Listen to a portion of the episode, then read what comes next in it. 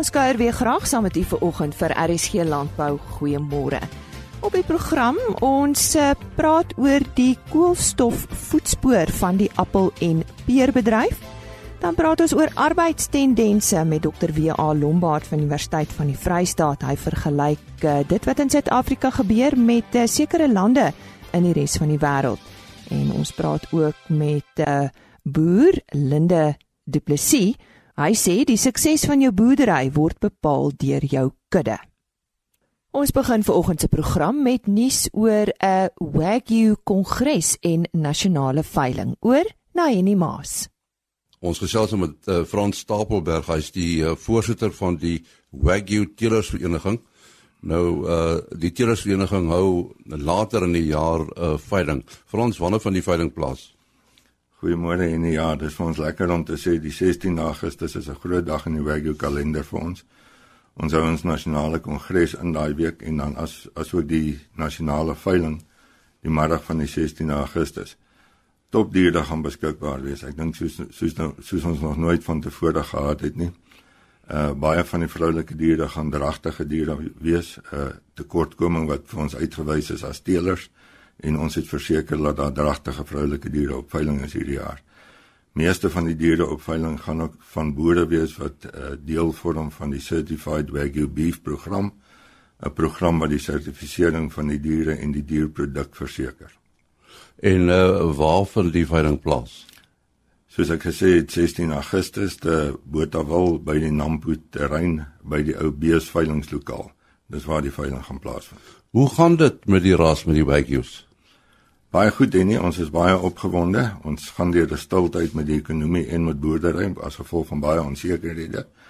Ons ledetal is besig om konstant te styg. Ons is oor die 130 lede, goed op pad na 140 lede. En daar's groot opgewondenheid. Ons werk aan die aan die uh waardeketting van die produk. Ons werk hard daarvoor vir vir die uitvoermark. Baie opgewonde oor die oor die op uh dinge wat gebeur en uh, ons sien uit na die tyd wat kom vir die produk. En uh, dis is nou interessant om te hoor dat die uh, Wagyu uh, teelers die groei. Uh, is dit maar meer vir vleisproduksie of is, ook, is dit ook vir kruisteeling? Wagyu gaan oor vleis. Uh, ons het nie 'n bees om net te skou nie, maar ons het 'n produk wat die beste is in die wêreld. Uh, en dit gaan oor die eetervaring van die vleis. Uh die unieke vet wat uh, binne in 'n wagyu bees se vleis is, is polionversadig, met ander woorde goeie vet. En die vet is binne die spier, dis die marmering wat binne in die spiervet is. So dit gaan oor vleis en vleis is die roete waarmee ons ons dier bemark. Net weer die datum en waar dit uh, plaasvind. 16 Augustus by die Botawil veilingsterrein 2:00 die middag. Ja, dit was dan Frans Stapelberg, die voorsitter van die Wagyu Teelers Vereniging. Verbruikers en supermarkte, veral in Europa, plaas al hoe meer druk op produsente, verspreiders en bemarkers om die gebruik van plastiek en ander materiale wat 'n impak op die koolstofvoetspoor het, te verminder. Ek gesels ver oggend met uh, Lauren de Kok. Sy is van die Wêreldwye Natuurfonds en uh, sy gaan vir ons uh, vertel hoe sy nou by plastiek en die omgewing betrokke geraak het. Uh Lauren, goeiemôre. Ehm um, ja, vertel vir ons. Ek verneem dit was deel van jou studies. Uh môre Lise, dis korrek ja. Ek het begin met um, hierdie deel van my meestersgraad. Ek het dit gedoen by die Universiteit Kaapstad en daarmee begin in 2015. Ehm um, hoe ek daarbey uitgekom het want ek was ehm um, betrokke in die landbousektor spesifiek in ehm um, vrugte en wyn ehm um, en het gewerk op die Confronting Climate Change um, initiative wat um, gedrewe is deur Hotgrow. En um, ek het te doen gehad met 'n um, akademisie en hulle het eintlik gevra want die Confronting Climate Change projek het baie rou data gehad um, as ek wil belangstel in in 'n bietjie navorsing oor wat is die tendens in die ehm um, koolstofvoetspoor van ehm um, vrugte, Suid-Afrikaanse vrugte, ehm um, van ehm um, byvoorbeeld 2000 die jaar 2000 tot ehm um, 2020. En dis hoe ek ehm um, daarbey uitgekom het. Nou wat is tot dusver gedoen om uh, hierdie probleem aan te spreek? Kom ons begin by water. As dit kom by water, het my navorsing gekyk na wat is die tendens um, van waterverbruik um, spesifiek in boorde van 2000 tot 2020. Uh in kubiekmeter per hektaar. Um en daar was 'n verandering in besproeiingstegnologie, um pompstelsel, doeltreffendheid sowel as ander ingrypings wat waterbesparing en waterverbruik uh doeltreffendheid verbeter oor die tydperk. Um as ons begin by waterverbruik per hektaar, het ek gevind dat dit afgeneem het van 'n gemiddeld van rondom 6000 kubiek in 2000 tot 'n voorspel voorspelling van ongeveer 5200 kubiek in 2020. Nou dis per hektaar per per jaar. Um die oorsake van hierdie vermindering um is 'n kombinasie van 'n paar doelbewuste ingrypings. Um besproeiingstegnologie het verander van meestal lang afstand mikrobesproeiing na korter afstand mikrobesproeiing tesame met die gebruik van grondvogmeters en die algehele optimalisering van die besproeiingsstelsels. Boere kyk ook meer na pompstelsel doeltreffendheid en die tendens is 'n gemiddelde pompstelsel doeltreffendheid verbetering van ongeveer 5% oor die tydperk. Um en dit het 'n groot impak op die elektrisiteitsverbruik per kubieke meter wat gepomp word.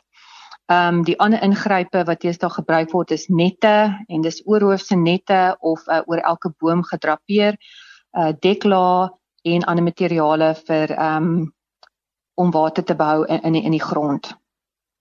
Nou ons wil graag vir oggend op plastiek fokus, maar verduidelik eers kortliks vir ons hoe meet 'n uh, enige bedryf hulle hulle voetspoor. Uh, hoe word dit bepaal? Ehm um, praat jy spesifiek oor 'n plastiek ehm um, voetspoor? Ja. Ehm um, want ehm um, okay.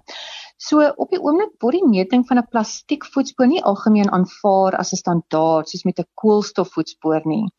Ek weet dat metodologie onder ontwikkeling is, maar tot op datum is daar geen algemene aanvaarde standaard sover ek weet. Maar die impak van plastiekverbruik in die waardeketting in die lewensiklus assessering metodologie word gekwantifiseer volgens koolstofemissies wat ek gemeet het in my navorsing um, en hulpbronuitputting. Byvoorbeeld hoeveel kilogram koolstof of kilogram fossiel brandstof as gevolg van plastiek wat 'n nuwe produk is van fossiel brandstowwe word verbruik per kilogram vrug. Maar die hoeveelheid plastiek per kilogram vrug kan bepaal word, maar dit was nie binne die omvang van my navorsing nie. Nou op hierdie stadium uh weet ek kan jy dalk goeie nuus met ons deel en het navorsing bewys dat Suid-Afrikaanse produkte se koolstofvoetspoor heelwat verminder het, is ek reg? Dis dis reg, ja, ehm um, goeie nuus, maar hierdie navorsing is net relevant ten opsigte van Suid-Afrikaanse appels en pere. En ek is nie seker oor al die ander produkte van van Suid-Afrika nie. As jy spesifiek kyk na die koolstofvoetspoor van Suid-Afrikaanse appels en pere, is dit duidelik dat daar 'n dalende neiging in kilogram koolstofdioksied per kilogram vrug van 2000 tot 2020 is en Een van die grootste redes hiervoor is die gemiddelde opbrengs per hektaar wat geleidelik toegeneem het van ongeveer 21 ton per hektaar tot so 36 ton per hektaar.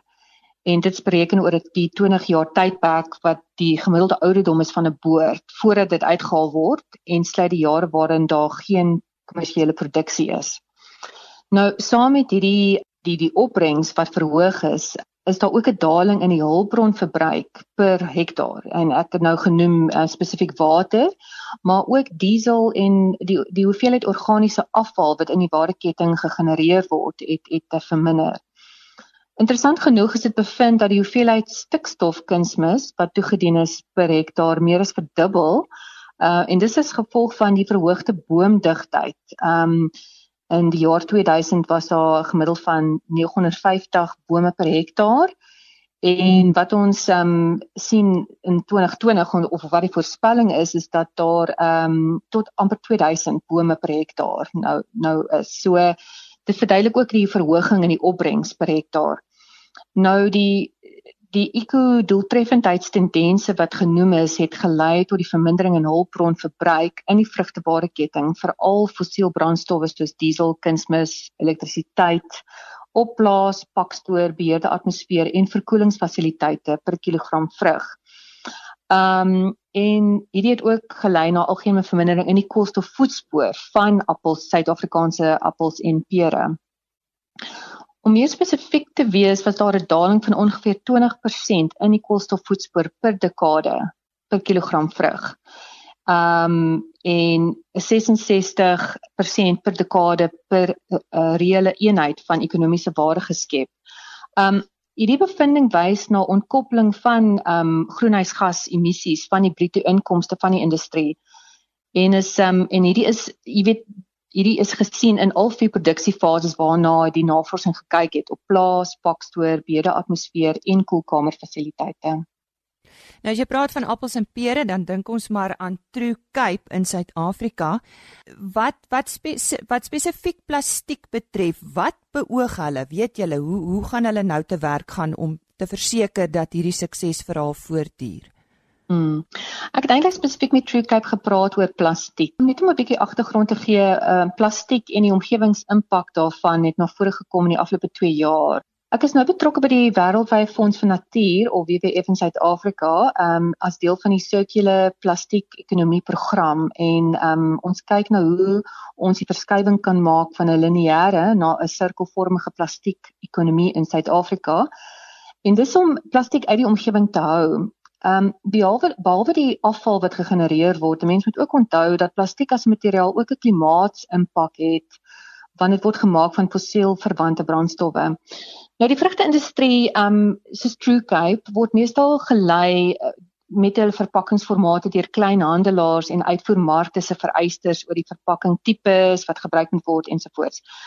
Daar is deesdae meer duidelikheid oor die ideale verpakkingsformate wat meestal deurgegee word van markte in ontwikkelende ontwikkelende lande wat verbonde is aan wetgewing en ook verskeie vrywillige plastiese um plastieke ooreenkomste soos die Ellen MacArthur New Plastics Economy Global Commitment asook um, 'n um, klomp nasionale plastics pact netwerk netwerke um, in um, internasionaal en die riglyne wat die vrugtindustrie al gekry het van kleinhandelaars is 'n beweging na verpakking wat teen volle herwinbaar is nie net te tegnies herwinbaar nie maar herwinbaar in praktyk sowel as 'n minimum herwinde inhoud en ek weet um True Cape ek kyk spesifiek na hulle verpakkingsstrategie wat gebaseer word op hierdie riglyne wat hulle kry. Nou behalwe vir die voordeel wat dit vir die omgewing inhou, watter voordele hou dit nog in as ons nou plastiek gaan verminder of verander? Verpakking gaan verander. Mm.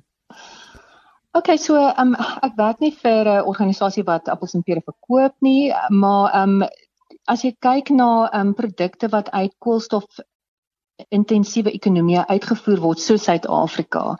Ehm um, hulle is kwesbaar vir sagte handel hindernisse en ehm um, produsente en kliënte moet dus weet of die produksie van produkte skoner word.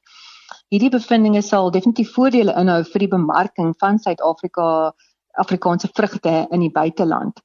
En ehm um, hierdie is goeie nuus om te deel van 'n True Cape um, perspektief af en enige ander ehm um, um, uitvoermaatskappye van van vrugte of spesifiek appels en pere in Suid-Afrika vir hulle markte daar buite.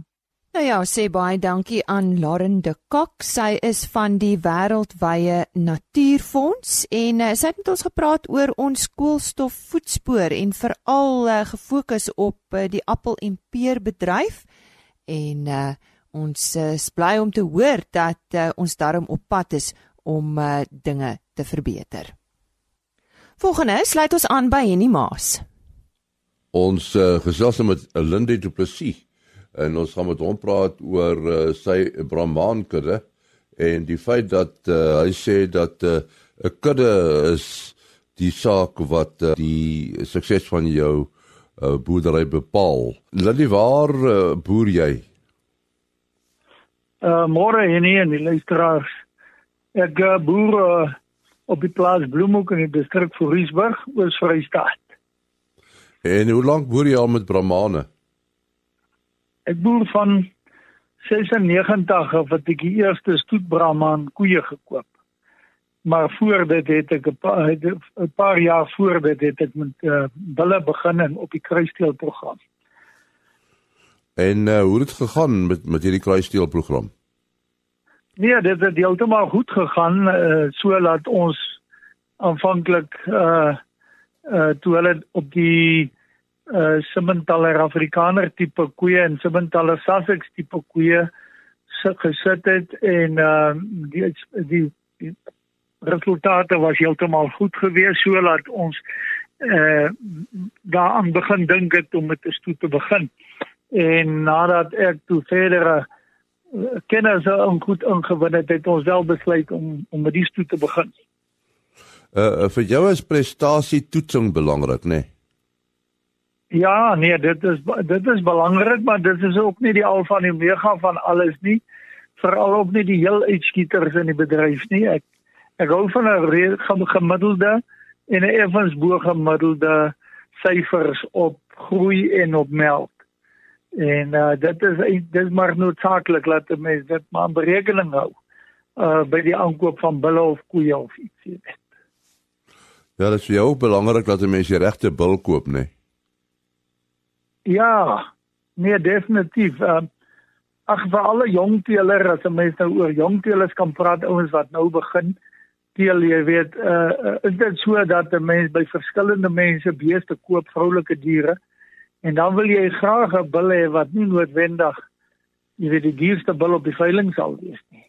Of die noodwendige kampioen nie, maar jy soek 'n bil wat die minste foute het en wat redelike groei syfers het. Want jy gebruik nou die bil en die bil moet 'n taamlike eenvormige koeikudde daar stel want dit is die maas wat jy môre gaan gebruik jy weet. So jy wil die foute wat nou daar bestaan en die uh beeste wat glad nie eenvormig is jy wil jy op 'n manier eenvormig kry en dis die enigste manier waarop jy dit kan doen jy weet beplande teeling hoe sien jy dit Eh, ek ek ek glo eh, mens kan sekerlik ehm um, 'n lynteeling doen in 'n in 'n sekere sin. Ek dink nie 'n mens moet dan eh, dan nou of of te naby gaan met lyne nie. Uh maar definitief korrektiewe pare. Want op die ou en beïndruk jy geen kommersiële teeler met met uh, met al jou stambome wat jy van kan kan opsê of kan meedeel nie dit bindrik maar 'n paar stoetpelers wat stoetbulle soek maar eintlik wil 'n mens graag 'n uh, eenvormige koeikudde hê en 'n bulkudde wat jy kan aanbied vir kommersiële teelers want dit is die grootste mark in die bedryf. En uh, en daarom uh, jy weet so ek sê dat dit belangrik is om eenvormigheid te bewerk so gou as wat jy kan, jy weet, en uh, van 'n tipe af te teel wat vir jou belangrik is. Uh, jy jy doen redelik goed op skoue, uh, byvoorbeeld die Royal Show. Ja, ons ons ons gebruik die uh die skoue ook as bemarking en en ook om selfs nog baie te leer. Mense leer baie by goeie beoordelaars, kommentaar van van klasse. Uh dit is 'n bemarking. Uh, ons doen bemarking ook by die skoue. Ons ons neem wel deel aan die Royal Show en dan ook uh, die grootste Brahmanskou is maar in Parys en daaraan uh, neem ons ook deel. Ja, ons sê baie dankie aan Lindy Du Plessis uh, wat gesels het oor sy Brahmankudde en al die maatreëls wat hy toepas. Ons volgende onderwerp van bespreking is arbeidstendense en ek gesels met Dr. W.A. Lombard. Hy is van die Departement Landbou-ekonomie Universiteit van die Vrystaat Um, en ons gaan hoor wat hy daaroor te sê het. Nou uh, eh, WA minimumloon is vir die eerste keer in 2002 ingestel in Suid-Afrika en is ook onlangs weer verhoog. Het dit 'n uitwerking gehad op die landbousektor se arbeidsmag? Goeiemôre. Goeiemôre Lize. Wel kortliks om te sê die die uitwerking as mens kyk na die getal werkers in diens van die landbousektor, het dit in die eerste kwartaal met so 12000 mense alreeds geval. Nou om te sê dit is heeltemal die skuld van van die minimumloon wat nou weer opgegaan het, is nie heeltemal ehm um, geldige argument nie. As mens kyk oor jare gewoonlik is jou jou vierde kwartaal van elke jaar of die laaste paar jaar in elk geval jou jou kwartaale wat die grootste hoeveelheid ehm um, werkers in diens in, in diens geneem is in die in die landbousektor. Nou daar speel dit jou jy weet jou produksie siklusse speel 'n rol hulle jy kort byvoorbeeld meer mense om om te te oes daai tyd van die jaar. So so kortliks te sê nee. As mens kyk na na die Wêreldbank se statistieke van die persentasie van jou werksmag so met ander woorde die al van al die werke in die land, hoeveel mense is in diens geneem in die landbousektor of deur die landbousektor eerder? Is was dit in 2002 so wat amper 11% Nou nou jy het ook gesê dis toe die minimumloon vir eers keer geïmplementeer het, so oor tyd het dit nou lekker geval. Tot en met 2011 was dit het dit afgekom tot so 4.6% so daar kom mense sê jy weet daar was 'n effek dit soos die boere moes moes moes aan, aanpas.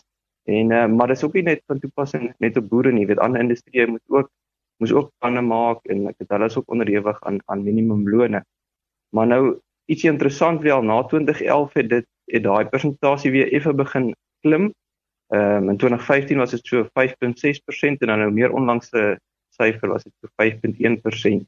Ehm um, jy weet weet uh weet van ons werksmag wat in diens is van die landbousektor. Hoe vergelyk dit met ander lande se syfers? Weerens as ek kan verwys na die die internasionale uh statistieke wat beskikbaar is wêreldwyd 'n gemiddeld tussen lande is dit so wat 28% van 'n land se werksmag wat in die landbousektor ehm um, het in diens is of of, ehm um, vir werk verskaf word. As mens kyk na ontwikkelde lande, byvoorbeeld Australië en Duitsland, hulle is ons ver vooruit. Ehm um, waar baie 'n baie kleiner persentasie van hulle werksmag weet werk in landbou in Australië byvoorbeeld is dit 2.6% en in Duitsland 1.3%. Dit was nou vir 2018. As mens kyk, weet nader aan ons aan ons eie land uh, in in lande suid van die Sahara, daar is die gemiddeld tussen lande so wat 55% van hulle van hulle in bergsmag is in is betrokke by die landbousektor en dan maar die die syfer het ook oor tyd eh, weet stelselmatig afgekom in 1991 was dit so wat 62% en dan soos ek nou gesê dis dit nou 55% Afrika land byvoorbeeld Zambië wat dan nou moeite gemaak het om om hulle ekonomie aan die gang te kry jy weet hulle het ook belê onder andere in in landbou weet hulle is oop vir ek wil sê vir beleggings. Weet in 91 was hulle weet daai daai indiensname deur die landbousektor op 72% en dit in 2018 afgekom tot en met 54%. So net daai ek wil sê 'n kopskuif in daai bereidheid van 'n van 'n regering ehm uh, het dit verander. En natuurlik so soos 'n land ontwikkel, werk baie minder mense in landbou. Dit mens ook ook onthou. Nou in diensname is een ding, maar hoe vergelyk die produktiwiteit van landbou oor die wêreld? Ja, dis 'n dis 'n ander ding daai. Ehm um, hier sal ek graag wil verwys na die die Agri Benchmarks groep se data. Nou die groep vergelyk ehm um, ehm um, hoe kan ek sê soortgelyke plase reg oor die wêreld. En ehm um, hulle het byvoorbeeld Suid-Afrikaanse skaapplaas of skaapplase eerder wat hulle na gekyk het waar die groottes van die plase tussen 850 ooe tot 1800 ooe is wat met geboer word op die plase. Nou daar maak jou jou betaalde arbeid tussen 10 en 20% uit van 'n boer se produksiekoste. As mens kyk na ander lande, as mens vinnig kan kyk na Duitsland, by hulle is dit tussen 13 en 25% van die totale koste en hulle plase is min of meer dieselfde grootte. Uh, maar hulle produksiestelsels is bietjie anders en uh, ons weet ook dat baie van die Europese lande ook gehelp word met subsidie as mens dalk eerder kyk na Australië waar hulle soortgelyke produksiesisteme gebruik, uh, kom die koste van arbeid af tot tussen 1 en 5% tussen die verskillende groottes van die plase. Dit dit is heelwat laer as ons kan kyk na die getal werkers per plaas wat wat wat in diens is of van daai veeplase, skaapplase spesifiek. In Suid-Afrika is dit tussen so wat 4 tot net so oor 7 werkers En in, Australië is dit tussen 'n half en 1.6 arbeiders per plaas. En in in Duitsland is dit weer so tussen 1.6 en 2.7. So nou nou kan ons sien dat Suid-Afrika wel baie meer werkers in diens per skaapplaas, maar as mens kyk na die vergoeding word 'n werker in Suid-Afrika of daai tyd van die van die opname so word 1 1 Amerikaanse dollar betaal ehm um, per uur teenoor in Australië waar die arbeidswetgewing die minimumloon eerder baie hoër is, is dit tussen 19 en 25 dollar per uur en in Duitsland so wat 21 dollar per uur. Nou dan spesifiek uh, met betrekking tot die produktiwiteit meet hierdie groep of een van die maatstawwe is hulle kyk na die hoeveelheid gewig wat geproduseer word per uur arbeid weet wat dan nou gebruik word. In Suid-Afrika is daai kilogramme geproduseer tussen 2.5 tot 5 kilogramme waar in Australië is dit veel hoër 47 tot 81 kg En dan nou ook as mens dink aan Nieu-Seeland wat ook baie skaap het, hulle is 71 kg. Jy weet, kilogram lewendige massa geproduseer per uur arbeid waarvoor betaal is. Is daar opsies vir landbouprodusente wat wil mekaniseer en en hoe ontvanklik is produsente vir dit, WA? Die die eerste eerste antwoord is ja, daar is opsies. Ehm um, dit sal 'n nou verskil tussen industrie, die die vee, ek wil sê die vee uh, sektore. Hulle gaan hulle gaan waarskynlik meer soos Australië kyk na minder arbeiders wat wat wat meer effektief werk. Basies jy gaan een een ou hê wat oor oor meer oeye moet toesig hou en ehm um, jy gaan dalk 'n deeltyds moet um, mense inkry om, om om jou te kom help sien nou maar sterkies afsit en te tatoeëer of en ensovoorts. En dan natuurlik hierdie draftmasjiene is is 'n wat jou help uitkeer sonder met baie minder mense is sulke is sulke 'n voorbeeld.